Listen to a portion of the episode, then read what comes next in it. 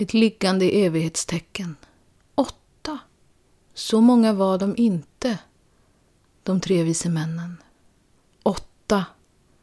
Klockslaget när Let's Dance börjar. Åtta. Antal deltagare om det är fyra par. Hej! Hej Ingela Plingela! Hej, hej, hej! Jag har precis läst en dikt. Vi är AWn du inte hinner, orkar eller kanske vill gå på, men som du ändå inte vill missa. Du känner inte oss. Vi känner inte dig. Och vi, Ingela och Alexia, känner inte varandra. Nej, faktiskt. Vi är totala främlingar för varandra Som att den här podden vore en blind date. eftersom vi aldrig har träffats och inte vet någonting om den andra. Men vi gillar att utbyta tankar och idéer med andra människor och prata om det som är stort och smått. Så låt oss göra det. Låt dig roas och kanske så små frön till egna tankar kring livet, kanelbullar och allt däremellan. Jag improviserade en dikt. Den heter Åtta. För att det är samtal åtta. Åh, vad fint. Det är min favoritsiffra för övrigt. Är det så? Då kommer du gilla eh, min dikt om åttor. Åh, jag ser fram emot det. Ja. Vad fint, vad roligt att, att höra din röst. Tack detsamma. Och Äntligen. vad, vad roligt att våra poddlyssnare får höra våra röster. Ja, vi är så glada för er skull, ni som lyssnar. Ja. Eh, varsågoda och tack. Ja, vi är så glada att ni lyssnar. Och för att ni hör av er. Ja, det är helt fantastiskt faktiskt. Det är så himla kul att få höra era reflektioner och tankar och när vi åker med på någon powerwalk och, och så vidare. Det är så himla kul.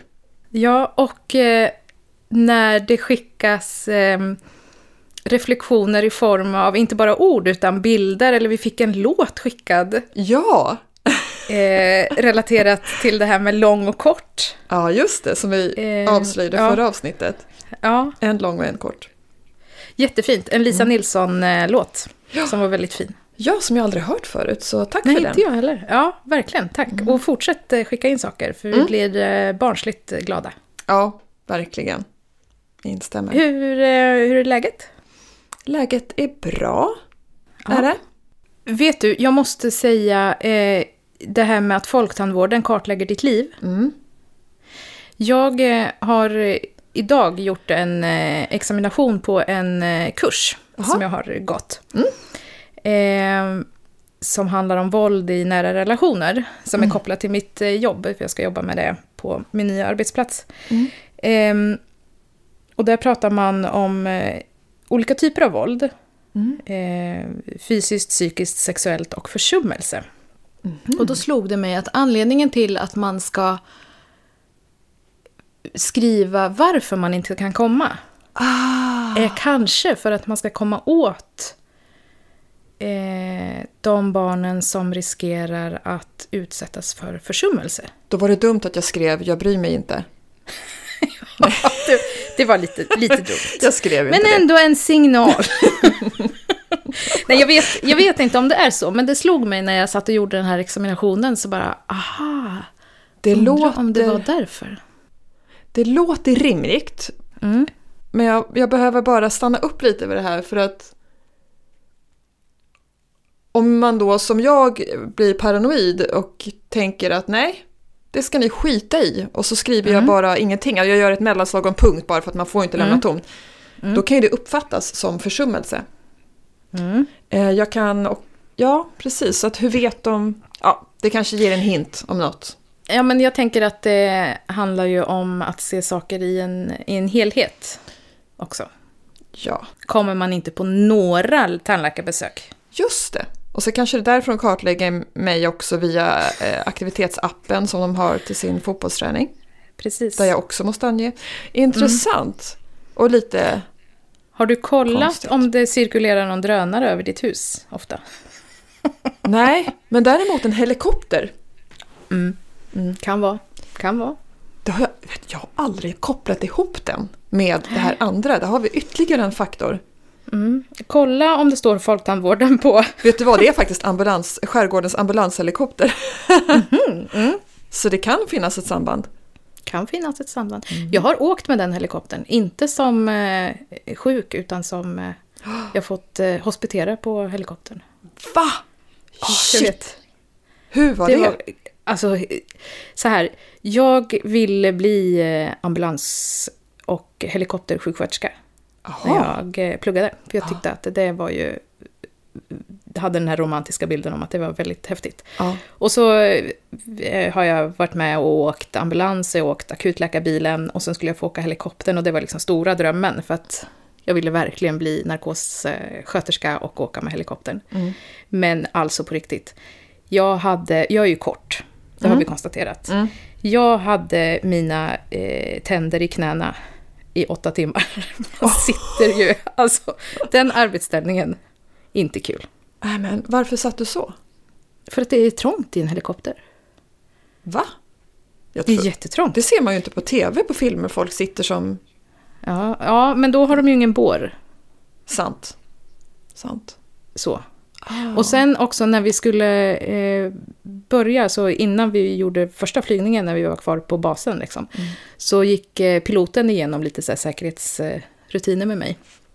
Och så sa han att om det är så att jag inte kan landa så kommer ni att behöva gå ut på meden och sen får du hoppa. Nej, men, det har ju aldrig hänt. Jag har kört helikopter i 30 år och jag tror jag har gjort det två gånger. Liksom. nej, men, ja, ja, då känns men det det är ändå så här, ja men det känns lugnt. Ja. Jaha, jag var Åkte vi på- ironisk, men ja. Ja, åkte vi på första larmet ute i skärgården. Eh, och så var det lite vind, vind och så var det väldigt klippigt och det var en ö med liksom en stuga på och bara, nej men jag kommer inte kunna landa här så ni får, Nej, eh, nej. Ni får hoppa. Nej, jag orkar inte. Ja men det är väl klart att, att vi ska hoppa.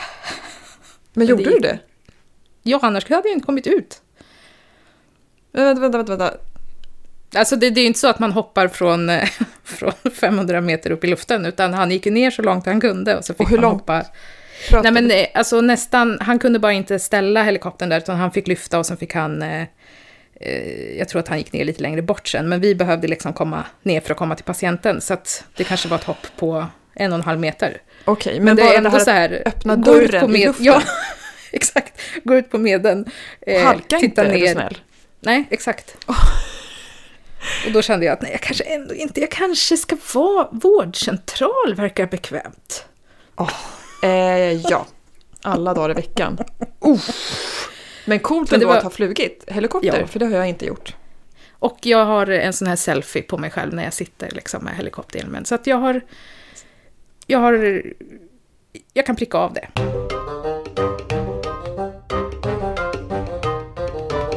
Hur mår du? Jag mår bra.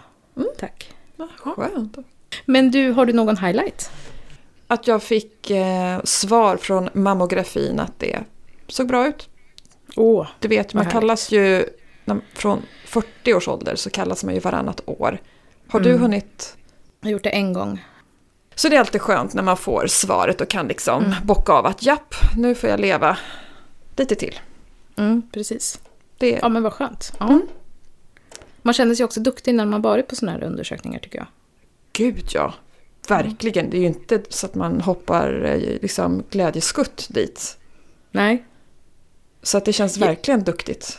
jag där. kan inte låta bli att tänka tvångstanken att det ska bli strömavbrott precis när man... liksom. Ja men sluta, jag som tänker in alla katastrofscenarion. Den här hade jag inte ens tänkt. Oj då, förlåt. Nej, men vet du vad? Då tänker jag så här att då har de någon sån här eh, manuell grej där de kan liksom releasa eller att det finns en inbyggd så här motsatsspärr, alltså som släpper om ström. Om den inte har ström kan den inte trycka ihop. Det kan man ju hoppas. Eller Mm. att reservkraften går igång. Ja, ja precis. Fast de kanske, man kanske prioriterar ehm, typ ehm, Respiratorer. respiratorerna framför. Och så sitter ett antal kvinnor där fast med ena tutten. Det är typiskt att man bortprioriterar kvinnorna. Eller hur? Så jävla hur typiskt. Mm. Hade män gjort mammografi så hade det nog inte glömts bort ett reservbatteri till de här maskinerna. Precis, hade man screenat prostatan i någon form av eh, Press. mangel. Mangel, ja. Då hade det nog inte glömts bort. Nej. exakt. Ja. Intressant, mycket intressant. Intressant. Ha, eh, har du en highlight? Ja, jag tror att jag fortsätter på förra veckans highlight med att jag håller på att skola in min eh, yngsta dotter på förskolan. Ja, Och nu eh, är det andra veckan, andra dagen på andra veckan. Och igår och från och med igår så går hon nu heldagar. Och hon har jätteroligt. Åh. Ja, hon, Hon älskar förskolan. Så nu kan du lämna henne där liksom? Ja. Jag är ju fortfarande standby hemma, så att jag jobbar ju inte. Nu har jag gått den här kursen då, så att jag har ju ändå jobbat liksom. Men eh, hemma. Och det känns, alltså... Det är så tyst här hemma. Så skönt. Jag kan kissa med stängd dörr utan att, att det är någon som ropar. Liksom. Jag sa och för sig till eh, maken igår, som ju är hemma, rehab eh, hemma, Mm. att för att det inte ska kännas för konstigt så vill jag att du ropar när du går på toa, jag vet. Ja. Bra med tydlig kommunikation.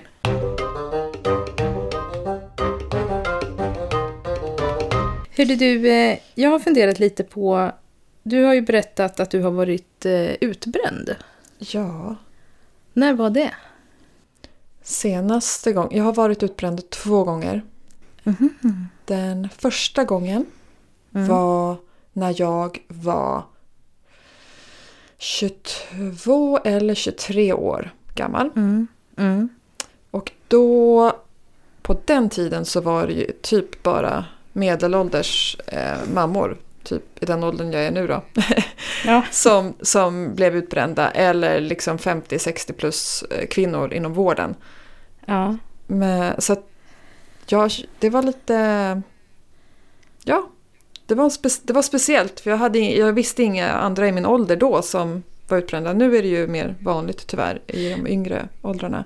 Den andra gången var 2019, Mm. fyra år sedan.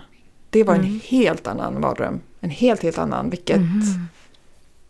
Dels för att jag är mycket äldre och har liksom andra insikter och ett helt Ja. annat li, liv ändå. Ja, ja. Men det förrädiska var ju att jag med min erfarenhet så trodde jag att jag hade koll på läget för att jag hade ju inte samma symptom Nej. den här gången som förra gången så att jag trodde att jag hade koll på läget. Hur skilde det sig åt då? Jag var inte deprimerad Nej. och utmattning idag delas upp i två diagnoser. Antingen utmattningsdepression som jag hade då eller Mm. utmattningssyndrom. Det är egentligen Mm. samma fast minus depressionen. Ganska det. vanligt då är istället ångest. Mm. Vilket kulminerade i mitt fall den här gången, Mm. då 2019. Mm. Så det var helt andra larmsignaler i kroppen den här andra gången. Så att jag, jag, eh, det blev som en chock att smälla in i den där väggen. Jag fatt, såg inte det komma. Men började det liksom på samma sätt? Nej, Nej. helt andra symptom. Mm. Ehm, Det var... Ja men... Jag hade så många symptom och sen är ju kroppen så fantastisk på det sättet att om du inte hör ett larm så larmar den på något Ja. annat sätt. Den Ja. försöker ju ropa på dig och få uppmärksamhet. Så, Hej, ta hand om mig. Mm. Mm. Och det var ju också en lång, en rad saker som har liksom lagts på hög som ledde till den här utmattningen. Men Mm. kulminerade i ett fruktansvärt stressigt jobbprojekt som blev liksom, det var ju bara toppen av isberget men jag tror att det var det Ja. som var det sista som fick mig att falla. Mm. Eh, och då var det dels att jag pratade typ enbart i halva meningar. Jag hade Mm. inte tid att säga saker Nej. klart. Jag Mm. andades i den övre delen av bröstkorgen, så korta andetag. Jag kände mig Mm. som att jag var ute och sprang hela tiden. Mm. Och en ångest som eskalerade till en helt o, nästan han- ohanterbar nivå som det kändes som. Mm. Mm. Och eh, eh, domningar i armen, tappa känsel Mm. i fingret, yrsel. Eh, och som sagt den här ångesten och jag tänkte att jag håller på att dör. Men den här ångesten, var det liksom ett konstant ångestpåslag eller var det ångestattacker? Liksom? Jag skulle säga att det var ett konstant ångestpåslag som toppade mm. ibland. Inte mm. i fullskaliga attacker, jo det kanske det är. Attacker låter så, jag ser framför mig någon så här vild panik, så här, okontrollerbart, det var det inte. Men jag skulle säga att det ja. låg konstant mellan 50-70 procent för att sen vara uppe mm. i 80 och sen så minns att jag åkte till läkaren och mådde jätte, jätte, jätte, jättedåligt. Förstod inte att det var utmattning. Utan Nej. jag trodde att jag var döende, på riktigt döende. Du sökte för somatiska besvär? Liksom. Ja, det värsta var alltså veckorna innan mm. det kraschade så jag trodde verkligen att något var så fel. Det var det ju också fast inte mm, det jag trodde. Mm, jag förstår. Ja. Att jag varje kväll när jag gick och la mig och tittade på mina barn så visste jag inte om jag skulle vakna nästa morgon. Mm. Jag visste mm. inte om det här var sista gången jag ska gå natt till dem. Mm. Det är fruktansvärt eh, smärtsamt. Men var det så att andra i din omgivning såg det här före du själv såg det? Ja, det var det. Um, det var en... Det var en vän till mig som eh, vi hade ett par vänner som kom och besökte oss i vår sommarstuga. Mm. Så det var under semestern så blev det ju ännu värre, vilket mm. jag tror är ganska klassiskt. Att folk mm. kraschar när man väl får andas ja, ut. Mm. Som, eh, hon hade ju sett det här ett pågå och så var vi ute på mm. promenad och så bara stoppar hon mig och lägger sina händer på mina axlar och nästan inte skriker men ropar mm, i mitt mm. ansikte. Eh, beordrar så att Lexia, du bokar tid hos läkaren när vi kommer hem. Du går inte tillbaka till jobbet. Mm. Och även där så kände jag att nej men äsch. Det... Men blev du arg på att andra sa det här till dig? Ja, jag blev lite provocerad för att jag mm. också någonstans kände in på mig att hon hade rätt. Mm. Jag blev arg för att jag ville ju inte mm. erkänna. Så jag blev inte arg för att hon gjorde det. Det, var, jag, Nej, det kom ju från kärlek. Mm. Men mm. ja, det var jättejobbigt. Men jag, hon lämnade mig typ inget val. Alltså verkligen. Eh, så att jag gjorde det lika mycket för att bli av med, med hennes mm. mm. order som att för min skull. Mm. Och äh, åker till vårdcentralen och blir så fantastiskt mött. Mm. Alltså wow. Läkaren jag mötte lyssnade klart på mig. Hon eh, skickade mig till akutröntgen på ett annat sjukhus samma dag. Inte för att hon trodde att jag var akut döende. Hon gjorde Nej. det för att hon såg mm. och hörde ångesten jag hade. Så hon mm. gjorde det liksom för min känslomässiga dels skull. Mm. mm. Eh, åker till akuten, röntgar armen och direkt två timmar efter det hade hon bokat in en tid hos mig, eh, för mig hos en psykiatriker. Mm. Som jag får träffa, prata med som eh, ja, beskrev, jag såg sen i journalen att det var, och det har jag hört flera också, att beskriva utmattning, att det liknar väldigt mycket symptomen som PS, alltså posttraumatisk ja, stress. Mm. Ja. Mm. I någon sorts chocktillstånd. Mm. Och sen ringer den här läkaren, alltså klockan var ju över sex på kvällen. Hon, mm. skulle, hon hade avslutat dagen och precis då hade hon fått prov, eh, eller bilderna från röntgen. Mm. Och sa att eh, jag, jag har precis slutat för dagen men, men såg det här och ville att du kanske skulle veta att allt ser jättebra ut. Eh, ja. Så ja, började semestern och så sa hon att vi bokar in en tid och ser hur du känner när du har fått vila lite. Men kändes det skönt då eller hade du liksom önskat att så här, men nej. Åh, kunde det inte bara varit en propp så att de kunde tagit bort den? Nej, gud nej. Nej, det var jätteskönt. För det var där ja. också min eh, hälsoångest eh, var i full blom. Så att jag... Mm. Okej. Okay. Mm. mm. Blev du sjukskriven sen också då eller? Ja, precis. Sen efter semestern så gick jag tillbaka och då mådde jag ännu sämre. Mm. Och då, var det, då förstod jag det finns, in, det finns inget alternativ. Jag mm. behöver överleva. Jag kan, ja, då låg jag, liksom, jag låg i fosterställning, jag orkar inte göra någonting. Jag bara låg i fosterställning hela dagarna. Mm. Helt mm. utslagen, energin var totalt slut, helt borta. Um, jag kunde liksom bara, ja men orka inte ta in information. Kan inte ha på- höra tvn i bakgrunden för att det blir för mycket ord. Mm, mm. ja. Och hur lång tid tog det innan du blev frisk den gången?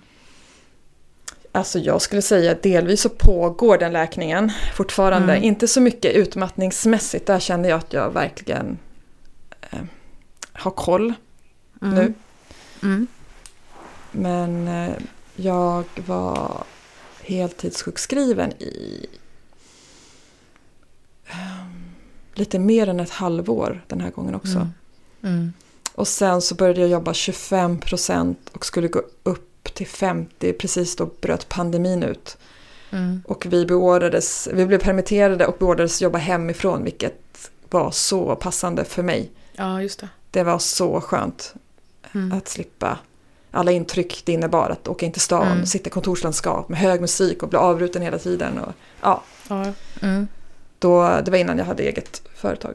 Så att det, Mm. var, det gjorde att jag fick mer tid i lugn och ro, vilket Mm. var fantastiskt, fantastiskt bra. Men när du var som sämst, liksom, Mm. kunde du se att det inte skulle vara så här för alltid? Nej. Nej, jag var jätterädd att det här var, att jag var fast. Även om du hade gått igenom det en gång tidigare? Liksom. Ja, för det här var något helt, en helt annan upplevelse. Eftersom förra gången hade jag inte ångest.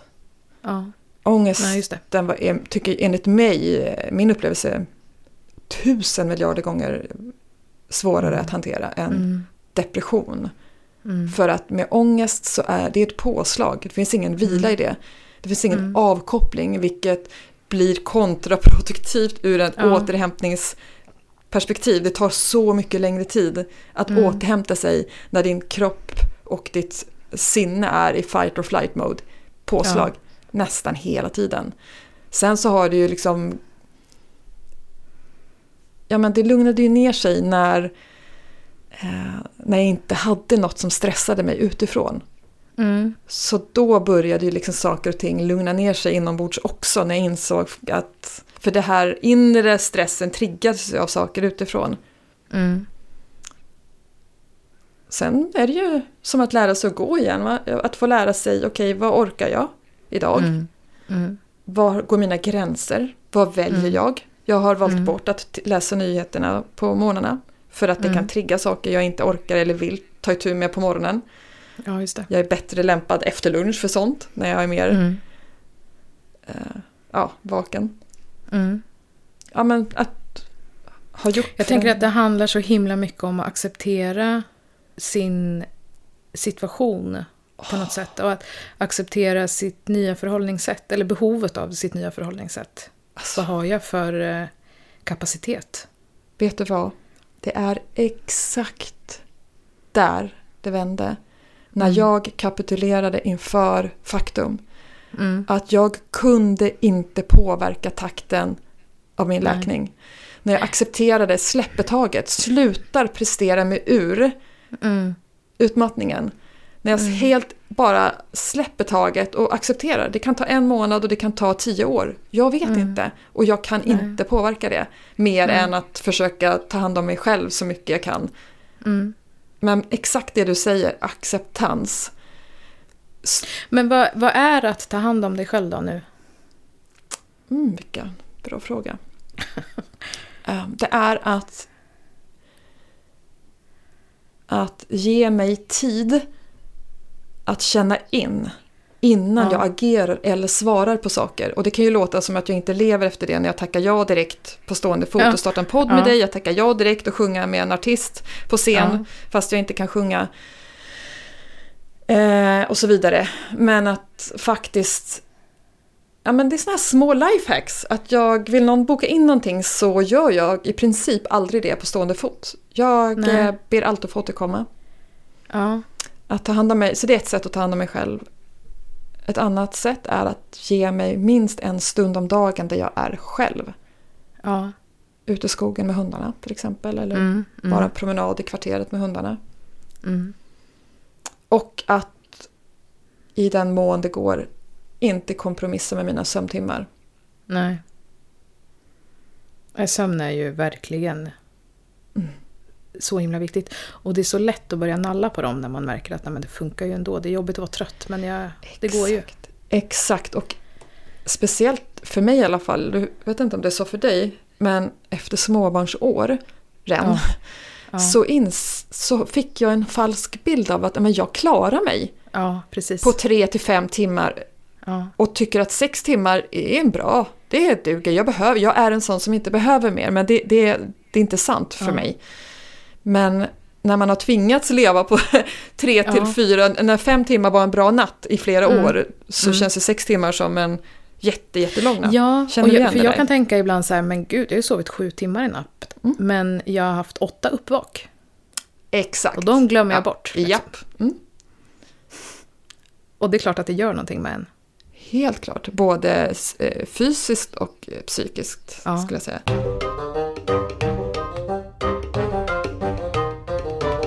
Har du varit utmattad? Nej, jag har inte varit utmattad, men jag har haft eh, depressioner i två omgångar. Okej. Ehm, När då? eller tre egentligen. En, en gång 2007 i samband med en separation. Mm.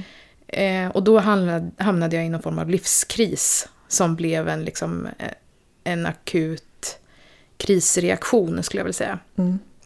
Eh, som... Jag fick aldrig diagnosen depression, men jag hade definitivt depressiva tendenser. Mm. Eh, men jag tror att mycket då handlade om att jag var i en krissituation och en livskris. Hur yttrade sig det för dig? Eh, också ångest Mm. och den här oförmågan att kliva upp på morgonen. Så, och, men den var inte kopplad till trötthet, utan det var kopplad till kraftig ångest. Mm. Och den här känslan som egentligen är helt omöjlig att beskriva för någon som inte har upplevt den. Men att ligga i sängen och bara, jag kan inte. Jag kan inte resa mig upp, jag vet inte hur jag ska göra. nej, det går inte Och det är som förstå. att bestiga ett berg att ta på sig en strumpa. Mm. Precis Men, så. eh, och, och jag hade en... Jag tyckte det var jättejobbigt att vara hemma i min lägenhet så att jag var så lite som möjligt hemma. Liksom. Mm. Men ehm, sen fick jag ett, ett jobbuppdrag som var jättebra för mig. Och då vände det på liksom två dagar för att jag plötsligt bara hittade min plats i, i världen på något sätt. Wow.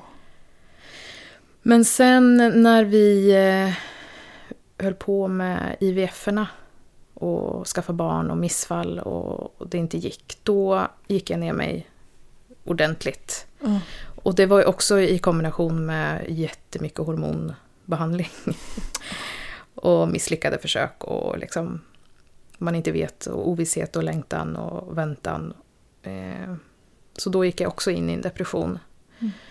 Eh, och sen fick jag en förlossningsdepression när jag fick mitt första, min Oj. första dotter. Hur yttrade sig den för dig?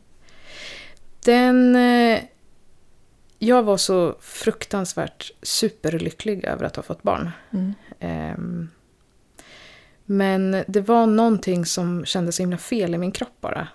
Och jag kunde inte säga vad det var. Jag hade inga problem att ta till mig henne på något sätt. Liksom. Och jag var aldrig rädd för att jag skulle skada henne eller, eller så. Mm. Men jag hade ett ständigt ångestpåslag och en ständig or, eller obehagskänsla i kroppen. Ja. Och sen sov jag ingenting. Eh, och sen började jag få hörselhallucinationer. Eh, Oj. och när jag fick dem, då fattade jag att det här är ju inte, det här är inte som det ska vara. Och det, det gick ganska snabbt, alltså jag tror att jag sökte akut eh, sjätte veckan efter att hon var född. Så jag sökte hjälp, väldigt snabbt. Ja. Eh, och blev då också hj- hjälpt väldigt snabbt eh, med läkemedel. Och det Så funkar? att det var en ganska, ja det funkade jättebra. Jag Åh, hade skönt. enormt bra, eh, svarade jätte, jättebra på den behandlingen. Mm. Så att jag hade en ganska kort eh, period, men jag var under någon, några veckor, eller Alltså den här resan fram till att jag sökte hjälp, Mm. Då blev det ju successivt försämrat hela tiden. Men eh, den här perioden när jag hade hörselhallucinationer, då var jag ju jättedålig. Liksom. Men Kan du inte berätta, jag... Hur... hur, hur beskriv hörselhallucinationer. Eh, jag hörde barnskrik hela tiden. Som inte var dina egna barnskrik? S- som, eller? inte, som inte fanns. som inte fanns. Och Nej. när du hörde Det- det, Mm. förstod du när du hörde det att det här inte är skri faktiska skrik utifrån? Kunde du, kan du, kunde du sortera det då? Eh, alltså inte i början. Eh, då, det var inte så att jag gick och letade efter ett skrikande barn. Mm. Men när det började, det började komma när jag stod i duschen. Och då var det så här, stängde av duschen och bara, men gud, skriker hon? För att jag fick Mm. sånt stresspåslag Ja, det. det är ju, man svarar ju, kroppen svarar ju Ja. alltså, fysiskt när ett barn skriker. Precis. Eh, och sen så kom det där oftare och oftare. Jag kunde höra det när jag var ute och gick. Eh, eh, om, så fort jag inte var i samma rum som henne så kunde Åh. jag höra det. Vilken stress! Eh, och, och när jag var ute, när jag hörde dem, då, då fattade jag att det här är inne i mitt huvud. Liksom. Men jag, kan, jag kunde ändå inte påverka det. Liksom. Så att jag förstod det att det var hallucinationer. Mm. Eh, men fruktansvärt obehagligt. Mm. Fy, ja, och jag blev så där, jag blev jätte, ja, så gick jag eh, och min man promenad tillsammans. Mm. Så var jag tvungen att köra vagnen för jag blev så stressad av att inte hålla i henne liksom. Mm. Vilket var är helt jättekonstigt. För att hon var ju lika trygg. Alltså det, det, och det var Ja. inte så att jag inte trodde att han inte kunde ta hand om henne. Men det var som att jag, jag kan inte lämna bort henne. Jag kan inte liksom. Jag kan inte ens lämna henne en halv meter åt höger så att han håller i barnvagnen. Utan Nej. det var som att jag måste liksom. Oj. Åh, vad jobbigt. Eh, Ja, jätteobehagligt. Mm. Eh, Men som sagt, jag svarade superbra på den behandlingen så att jag Mm. blev bra väldigt snabbt. Liksom. Gud vad skönt. Och Mm. vad fint att du fick rätt hjälp så snabbt. Mm, verkligen. Och sen inför eh, andra barnet, Mm. Då var ju de väldigt på tå. Och, jo, för att jag fick också gå till psykolog. Mm. Eh, för att jag tror också att jag bearbetade hela min IVF-resa. Mm. Eh, den kom liksom ikapp mig Ja. när jag hade fått barn. Mm. Och då träffade jag en psykolog som var helt fantastisk. Jag har träffat tidigare, liksom gått till kuratorer, samtalsterapeuter, psykologer, men aldrig liksom... De har inte varit dåliga, men det har väl varit trevligt att vara där och prata liksom. Och jag blir Ja. ofta så här väldigt... När jag går till någon och så tycker jag så här, gud vad bra det här var. Och hon var verkligen jättebra nu, jag måste köpa en blomma till henne och Ja. säga hur fantastisk hon är. Men det har inte gett mig någonting, jag har inte kommit någonstans. Åh, vad jag känner igen mig. Ja. Och så kom jag till den här tjejen som var typ, såg ut som hon var 16 år gammal. Och jag var bara så här, men vad är det här för en liten hoppetossa? och hon var jätte, jätte, jättebra. Wow. Och plötsligt så bara fattade jag vad det gick ut på att gå till psykolog. Och att det handlar om att jag måste göra ett arbete Jag vet, när visst jag är det jobbigt? inte är här. Ja, men det var också så skönt att jag bara så här, det bara klickade i mitt huvud. Ja. Och jag gjorde jättemycket förändringar i mitt mindset. Mm. Som, som jag inte så här jättetydligt kan sätta fingret på. Men jag förändrade mig ganska mycket i hur jag liksom förhåller mig till omvärlden. Och förhåller mig till projekt eller vad jag vill göra. Och, Wow. Så det var, ja, det var verkligen så här. Och det tillsammans med eh, läkemedel liksom, Ja. var en superkombination för mig. Den här... Och så eh, inför, då, inför nästa eh, förlossning så var de ju väldigt på tå här, eh, sjukvården, och följde upp mig jätte, jättefint. Eh, för att jag inte skulle hamna i... För det, det finns ju ökad risk för ja. eh, återupp, eller eh, upprepade eh, depressioner och eh, nya förlossningsdepressioner när Mm. man har haft det en gång. Och hur gick det? Nej, ingenting. Jag eh, har inte kunnat amma mina barn, vilket har varit en stor sorg för mig. Eh, och det har varit, alltså rent fysiskt har jag kunnat amma dem. Mm. Men jag har mått så fruktansvärt dåligt av att amma. Eh, jag har, all, Har jag har velat någonting? göra det. Ja, och jag kan inte säga vad det är. Nej. Men så fort jag har varit i amningssituation så har jag fått en jätteskarp obehagskänsla i hela kroppen. Mm. Så jag bestämde mig liksom på typ tredje dagen med min yngsta att jag, jag gör inte det här. Mm. Eh, och det gjorde jag egentligen med, med första också, att det här det är inte bra. Jag mår inte bra av det här, så att jag, jag struntade i det. Liksom. Mm. Mm. Och det tror jag var mycket räddning. Att jag bara Ja, för både dig la och ner det. barnen. Liksom. Ja, De det var inte värt av. det. Liksom. Nej, Ja, gud nej. Jag tror att de känner av ja, gud ja. känslolägen jättetidigt. Alltså från Ja. födseln. Eh, vad, vad mycket att hantera utöver det faktum att man har fått ett till barn. Liksom. Ja. Men eh, jag hade inga... Alltså jag mådde jättebra när jag hade fått andra barnet. Mm. Det var liksom inte... Sen har jag fortsatt med medicinering. Jag går fortfarande på läkemedel.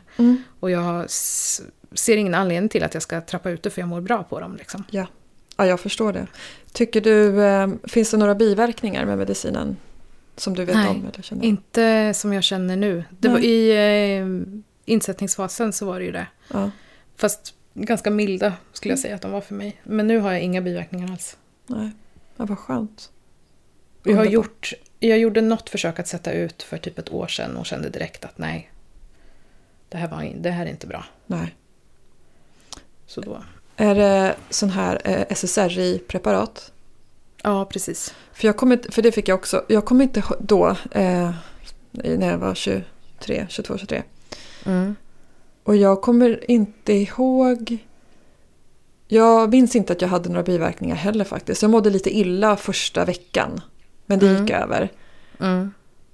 Och det var inga problem när jag fasade ur det heller. För då hade liksom depressionen läkt på något sätt. Ja. Jag var på en helt annan plats i livet. eh, På, på alla sätt. Så att det var... Då gick det bra. Och jag upplevde inte några andra biverkningar heller. Men jag har ju hört vissa prata om att man också att man kan tappa lite grann topparna. Att man hamnar i något sorts Mm. medelland.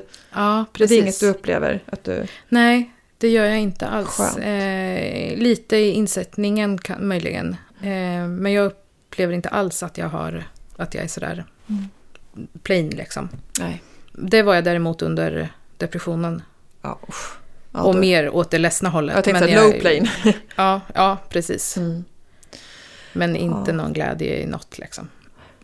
Jag, eh, när jag blev utmattad nu eh, senaste gången Mm. så blev jag erbjuden medicin direkt ju för att jag hade så hög Mm. ångest. Mm. Och då valde jag att tacka nej Mm. och har blivit erbjuden det flera gånger sen vid de här, nu har jag inga kontakt med sjukvården längre men då under utmattningsperioden så träffar man ju sin läkare var tredje vecka ungefär. Mm. Mm. Och eh, fick frågan eller erbjudandet flera gånger men tackade nej just för att jag den här gången så kände jag att jag ville ja men det första jag tänkte att om, om jag får medicin och det tar bort ångesten Mm. varför ska jag någonsin vilja sluta? Jag Mm. kommer aldrig, aldrig, aldrig, aldrig släppa det då, i så fall. Nej. Och det behöver ju inte vara fel i sig men Nej. Jag hade en... Så här, bakom den ångesten som kulminerade med utmattningen så låg en, en, en grundkänsla av extremt stark rädsla Mm. för något odefinierbart, vilket då blir Mm. ångest när man inte Mm. vet var Mm. hotet kommer ifrån. Så... Och då kände jag att jag behöver förstå vad det här är för någonting, var det kommer ifrån, vad det handlar om. Jag behöver läka någonting djupt, djupt, Mm. djupt inne i mig. Ja. Och tar jag medicin för att ta bort symptomen så kommer jag kapsla in det här. Och Mm. jag det, jag, för mig skulle det vara som att leva med en instängd bomb Mm. som jag aldrig visste om eller när den Exakt. skulle brisera Ja. igen. Så att, ja. Det Jag var pratade med, med någon eh, för ett tag sedan. Eh, vi pratade om det här med ångest och vad man har för strategier när man får ångestpåslag. Eh, Ja. eh, och den här personen eh, lider också av ångest. Eh, för jag har någon i min närhet just nu som, är, eh, som har en depression. Mm. Inte som jag bor med, men som är i min liksom, absoluta närhet ändå. Eh, och den personen jag pratade lite om strategier att försök att bryta din, det som låter som att du har en ångest eller när du är nere i riktigt djup eh, liksom, meningslöshetstankar. Att ja, ta en dusch då eller gå ut och gå eller Mm. drick ett glas kallt vatten bara för att bryta. Ja, just det. Men så pratade jag med, med en annan person som sa att jag har slutat med de där strategierna Mm. för att jag måste ta mig igenom ångesten. Jag måste lära mig den. Jag måste, slut, jag måste sluta med min ångest istället. Eller bara acceptera att den finns där. Och jag vet inte vilket som är rätt väg att gå. Liksom. Att inte ha strategier för att motarbeta sin ångest utan försöka leva igenom den istället. Ta sig igenom den. Acceptera att den finns där och att den kommer att försvinna. Mm. Vet du, jag har precis börjat inse och att det kan vara lösningen. För att jag Mm. eh, har fortfarande eh, problem med ångest till och från. Mm. Mm. Och jag har precis insett att jag tror att det kan vara svaret. Mm. Precis det du sa. Mm. Att allt det här andra, att ta en dusch, ta en promenad, eh, meditera, yoga, allt det här är bra eh, coping-strategier, alltså stra- sätt Mm. att lindra det i stunden. Men Mm. precis som också läkemedel så läker Mm. inte orsaken till varför. Nej. Och i kombination med en annan terapiform än KBT. KBT är bra för mycket men jag har hela tiden känt att precis det du beskrev här att ja, det var en trevlig pratstund. Jag kanske Mm. fick någon ny perspektiv på något som Mm. jag förstod om mig själv men det har liksom inte läkt någonting. Det har inte förändrat något Mm. innerst inne i mig. Men i kombination med den terapi som jag går nu som är inriktad på att känna alla känslor. Mm. Att närvara i känslan. Vad heter den? Är det, är det ACT eller nej? Den här terapiformen heter ISTDP. Och det är en psykolog, alltså känslobaserad terapi. Ja. kallas det för. Den kommer ifrån liksom traditionell psykodynamisk terapi om jag har förstått det rätt. Mm. Men har en, en mer liksom inriktning på att uppleva alla känslor. Och Mm. det jag har fått lära mig där är att ångest är inte en känsla i sig. Nej. Det är ett resultat av att du undviker Ja. en eller flera andra känslor, grundkänslor som till exempel sorg, ilska, rädsla, ja, Ja, glädje just det. som är rena Mm. grundkänslor. Så att dels har det varit att utforska vad är det för känsla jag har under Ja, ångesten? det. vad Ja. finns där bakom? Ja. Att förstå det har börjat hjälpa mig men att bara förstå saker läker ju inte heller. Nej. Utan det Fast jag... det kan göra det lättare att acceptera det. Precis, verkligen. Och att det kan göra det kanske i bästa fall lite mindre hotfullt. Ja, precis. Så det har varit en del av något väldigt fint och viktigt eh, Mm. för mig i den här processen. Och i kombination med en eh, läkare och hjärnforskare som jag började följa på Instagram som har en podd och har skrivit Mm. en bok.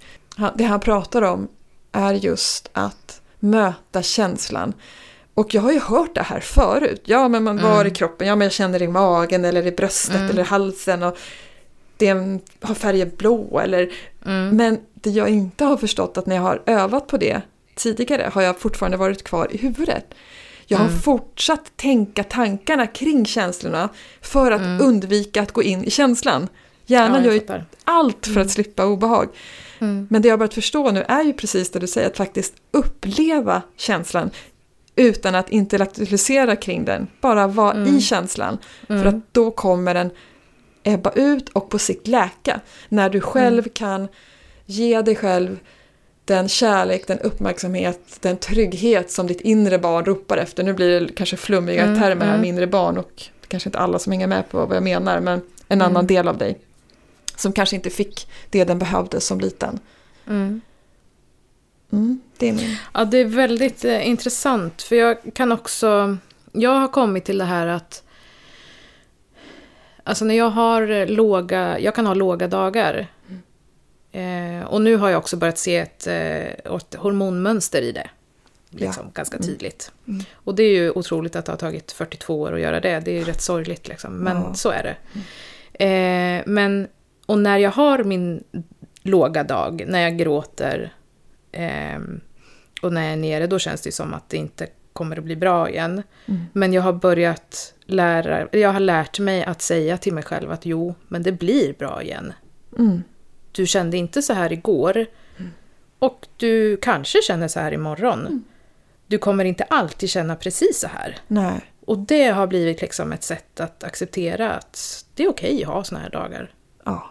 För så var det inte för några år sedan. Då var det ju liksom... Då bara drog jag ner rullgardinen liksom och tyckte att det inte var värt någonting. Om jag ändå bara skulle ha såna här dåliga dagar. Mm. Vilket ju är fullt förståeligt. Ja, ja men visst är det så.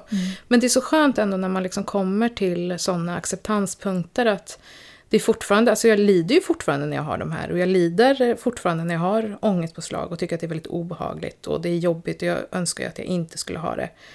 Men jag accepterar det liksom.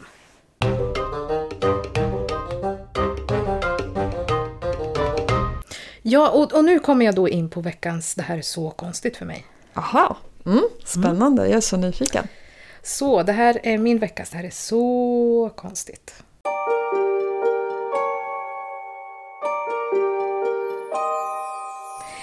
Om man tänker att vi lever 2023, vi har kommit väldigt långt i våran eh, förmåga att ta hand om sjukdomar och ta hand om... Eh, forskningen har kommit väldigt långt och i många områden. Vi kan rädda liv nu som vi inte kunde rädda för 20 år sedan, för 50 år sedan, för 100 år sedan.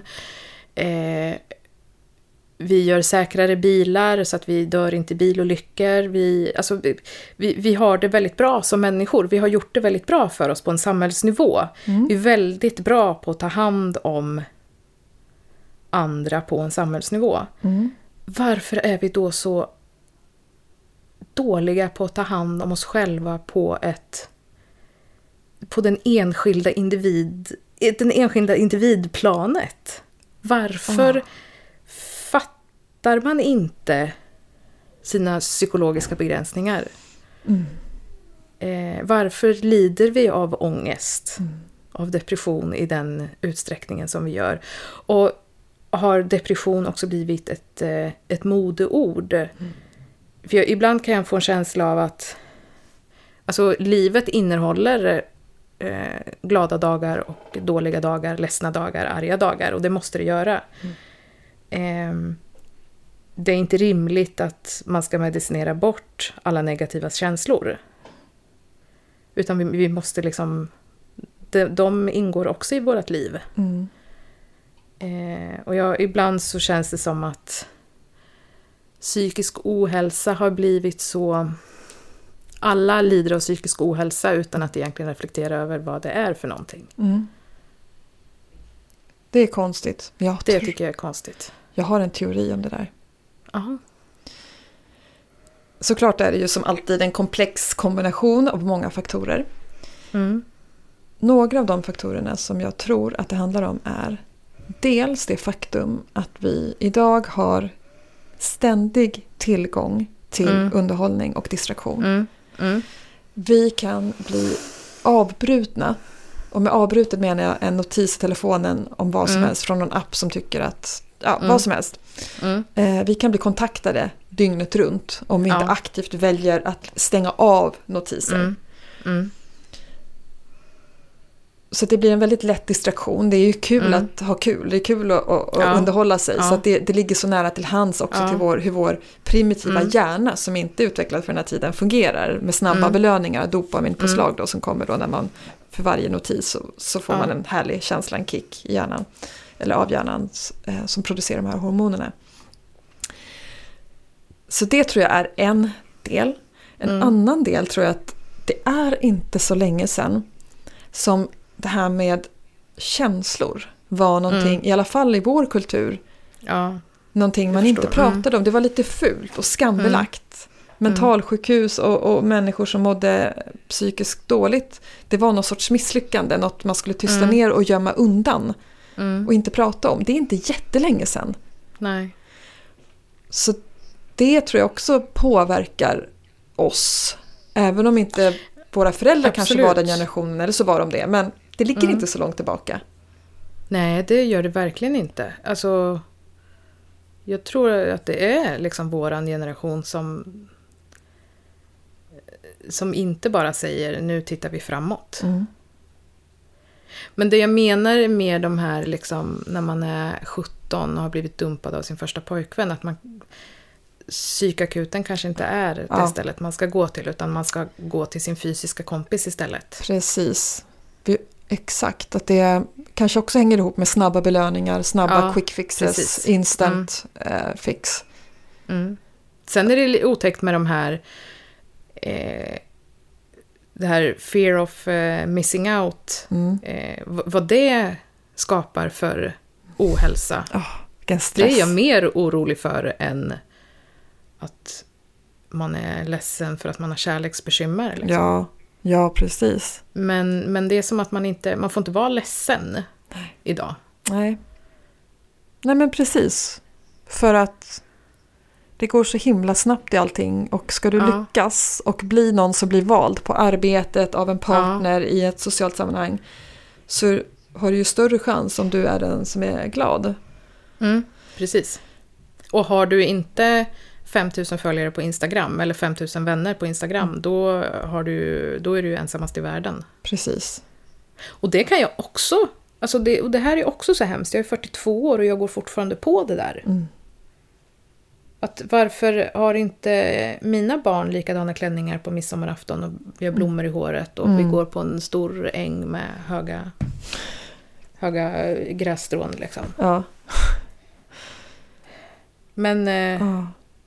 Det är väl det är nog ingen som gör. Liksom. Jag tror att vi får vara snälla mot oss själva, precis som du säger. Det är nog ingen som gör. För att Nej. det ligger i vår natur, överlevnadsinstinkten, Ja. att få tillhöra och genom att avvika riskerar vi att bli utstötta ur flocken och utan Ja. flocken kan vi inte leva. Jag tror att det hänger ihop i alla fall med något så primitivt i kombination med kulturen.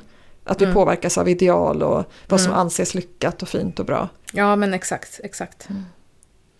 Ja, det var min eh, vecka så konstigt. Har du någon? Jag har också. Det här är min veckans. Det här är så konstigt.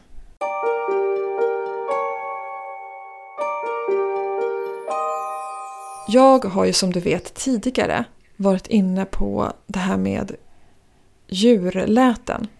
Ja. Att när man skriver ut ett djurljud så är det inte alls så djuret låter. Mm. Och på det temat Mm. så finns det också saker som har nu, alltså vi pratar det senaste året. Och jag är 45 år. Ja. Det senaste året har det kommit till min kunskap hur söta djur kan låta fruktansvärt. Okej. Ja. Vet du om det här?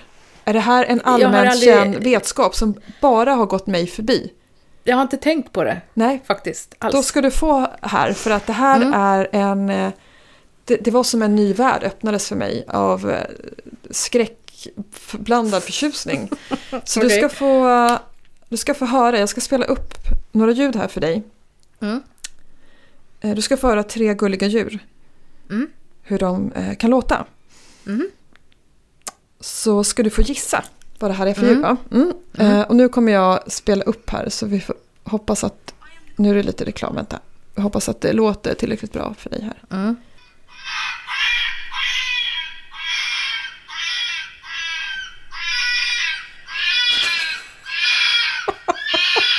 ja. Mm. Det var ett gulligt djur. Vad Mm. tror du att det var för djur? Det, först tänkte jag att det var en fiskmås. Ja. Men eh, det skulle liksom också kunna vara en liten hundvalp. ja. Åsna kanske. Ja. Ska jag säga. Ja. Det där var en räv. Jaha! Så låter Ja, det var rävar. inte så gulligt. Ja, nej. Nej, En vuxen räv eller barnräv?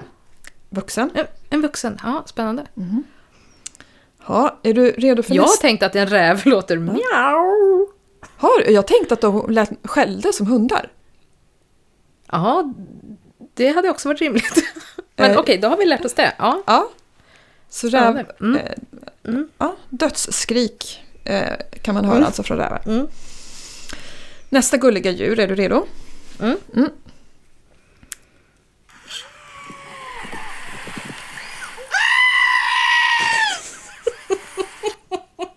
Mm.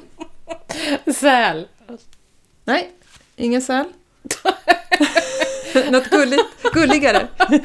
Gulligare, då är det någonting med päls, något fluffigt. Ja. Eh, ja, men någon form av... Eh, ja, något, kanin låter ju inte. De säger ju hej. Det har vi ju lärt oss. Har det igen. Eh. En apa kanske? Bra gissning, men nej, en get. Okej, ja. Och nu kommer det tredje gulliga djuret då. Mm. ja.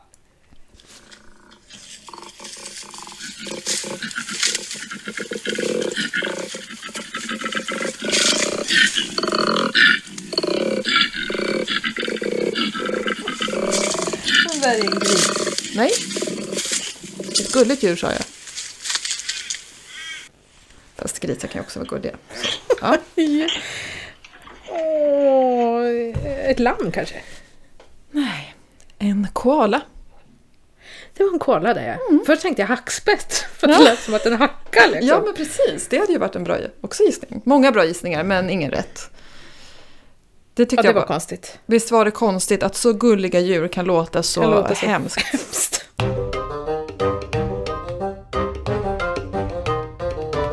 Men vad roligt. Vi har ju haft... Eh, veckans utmaning har ju sin utgångspunkt i det här med, med djurläten. Ja. Och veckans utmaning var att vi skulle skriva en, eh, en, eh, ett klipp ur en historia som utspelar sig sekunden efter att an, anden... Bilden på anden och grodan. Ja, och för er som inte förstår vad vi pratar om så har, eh, finns det på vår Instagram, Tva framlängar, en bild ur en barnbok där en and säger hej, tror jag det var. Eh, Och eh, Anden säger kvack. kvack, anden säger kvack, precis, det var Mm. kaninen som säger. Eh, anden säger kvack och då såg jag på den här bilden att Precis, eh, och den, den här anden går och har liksom ena foten lyft framåt och mitt i ett steg. Och precis under anden så sitter en groda alldeles glad, inte ett ont anades. Så att det är härifrån eh, det här kommer ifrån, som Ingela refererar till. Ja. Och då så var utmaningen att vi bara skulle skriva eh, en text som skulle vara på en A4-sida med ett och ett halvt radavstånd. Och det skulle vara saxat eh, sekunden, vad, vad hände sekunden efter den här bilden? Ja, Ja. så Vill du börja läsa din text? Ja, gärna. Jag varken såg eller hörde det komma. Vilket är ganska ovanligt för att vara jag. Vanligtvis är jag i rörelse och har en uppmärksamhet som många avundas. Men inte den här gången. Just som jag var på väg att ta ett av mina vardagliga glädjeskutt kände jag hur jag plattades till. Ja, alltså, jag blev helt platt. Alla som har blivit trampade på av en and vet vad jag pratar om. Platt som ett papper, ett löv, en servett. Jag kan inte påstå att det gjorde särskilt ont, vilket du kanske tycker är konstigt.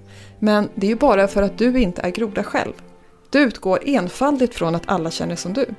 Men jag är jag och du är du. Hur som helst kan vi enas i lättnaden kring att jag faktiskt inte led fysiskt av detta.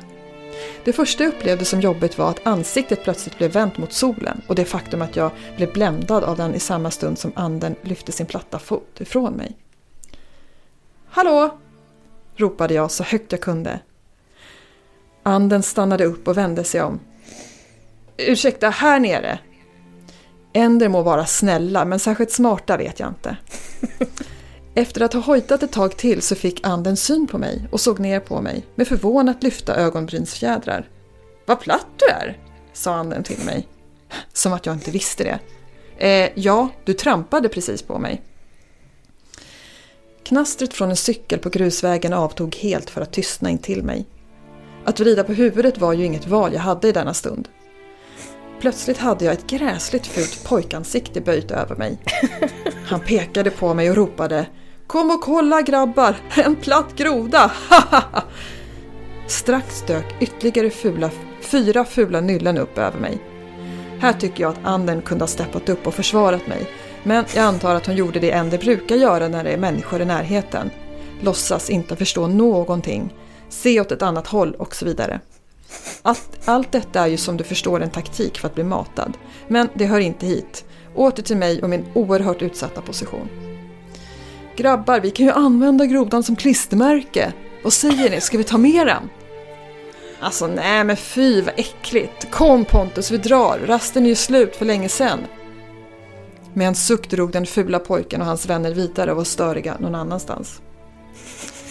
Den konflikträdda anden kom tillbaka till mig. Alltså du... Eh, förlåt. Det var inte meningen. Får jag ta med dig hem så att du kan få bo hos mig tills du är återställd? Ja, jo, om du har möjlighet att göra det så vore det superschysst. Ge mig bara ett par dagar så är jag mig själv igen. Det här är inte första gången om man säger så. Och gärna en sval och skuggig plats. Du råkar inte ha lite vindruvor hemma va? Och lite chips vore ju inte helt fel. Återhämtningen tog bara ett par timmar. Men det gäller ju att passa på att njuta när all inclusive, av, av all inclusive när tillfälle ges. Eller hur? Åh, vad fint. Åh, vad roligt. Ja, hur gick det för dig då? Mm. Då kommer min så här då. Mörkret kom plötsligt. En snabb vindputs. Ljudet, som i slow motion. Patrik hann aldrig uppfatta vad som egentligen hände. Men smärtan var direkt, intensiv och den skarpaste han någonsin upplevt. Kinden skrapades mot marken och det var som att det var en hal, kall platta som liksom smekte hans bakhuvud. Han hade inte en chans. Plötsligt låg han bara där. Och sen var det över. Lika fort som mörkret kom var det borta. Ljudet kom tillbaks, solen i ögonen. Vattnet som hade blött ner hans ena ben kändes kallt.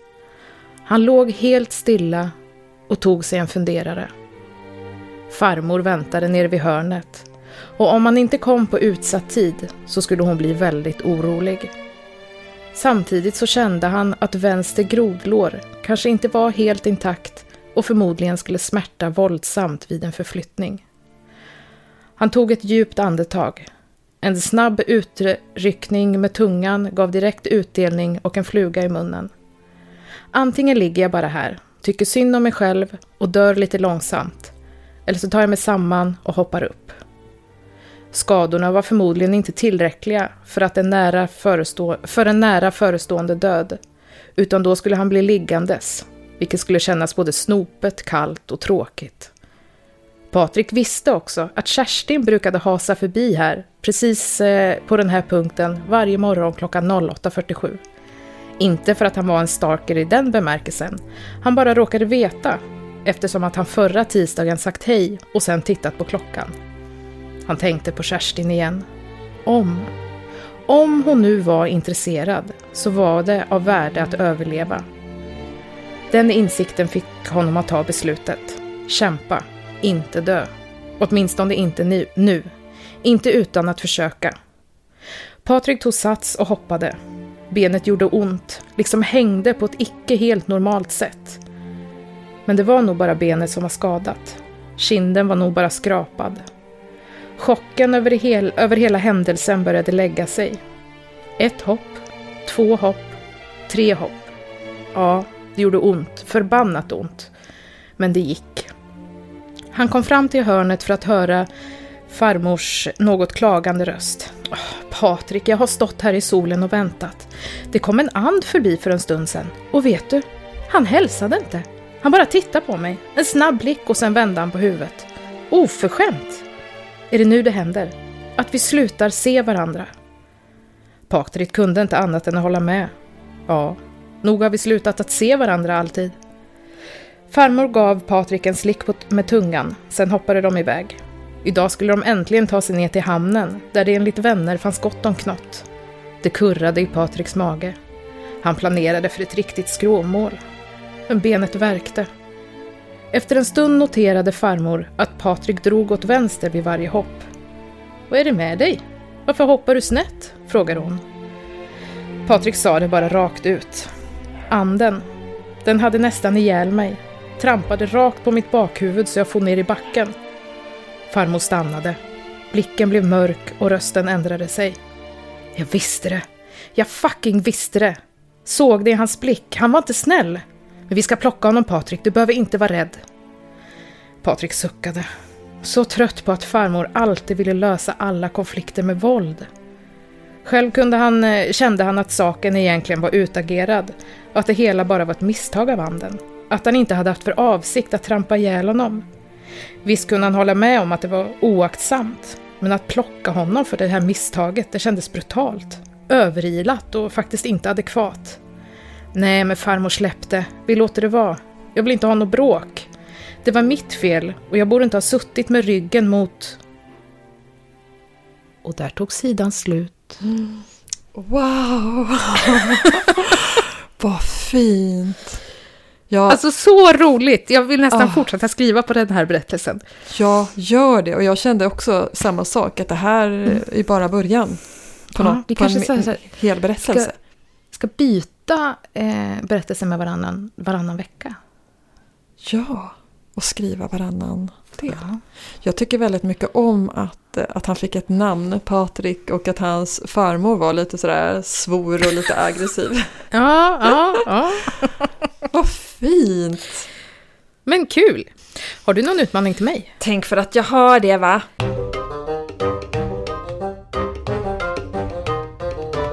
Du ska få eh, en utmaning som jag också ger mig själv, precis som du gjorde med den här. Ja. Mm.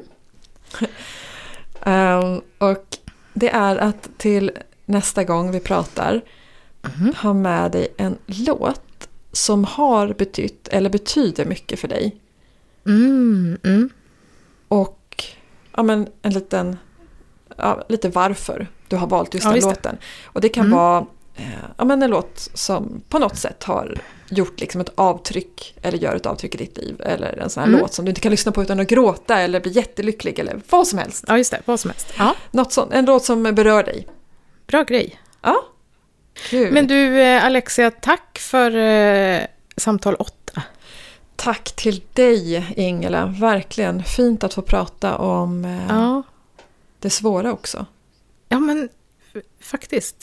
Jätteskönt. Mm. Och skönt att höra att man inte är ensam, Mm. faktiskt. Verkligen. För det är man inte. Nej, det är man inte. Och om man inte mår bra så ska man också veta att det finns eh, god hjälp att få. Ja, vänta inte. Nej. Och prata om det. Ja, Prata, prata, prata. Ja, men du, eh, tack för idag. Tack. Vi hörs eh, om en vecka, ish. japp. Och innan dess hörs vi inte. Nej. Nej. Ha det så Ha det bra. fint. Okej, hej då. Hej då. Hej, hej. Sprid podden till dina vänner om du gillar den. Och dina ovänner om du inte gör det. Och glöm nu inte att prenumerera, kommentera och recensera våra avsnitt. Skriv gärna till oss på tvaframlingar.gmail.com Eller på Instagram där vi heter Tva framlingar.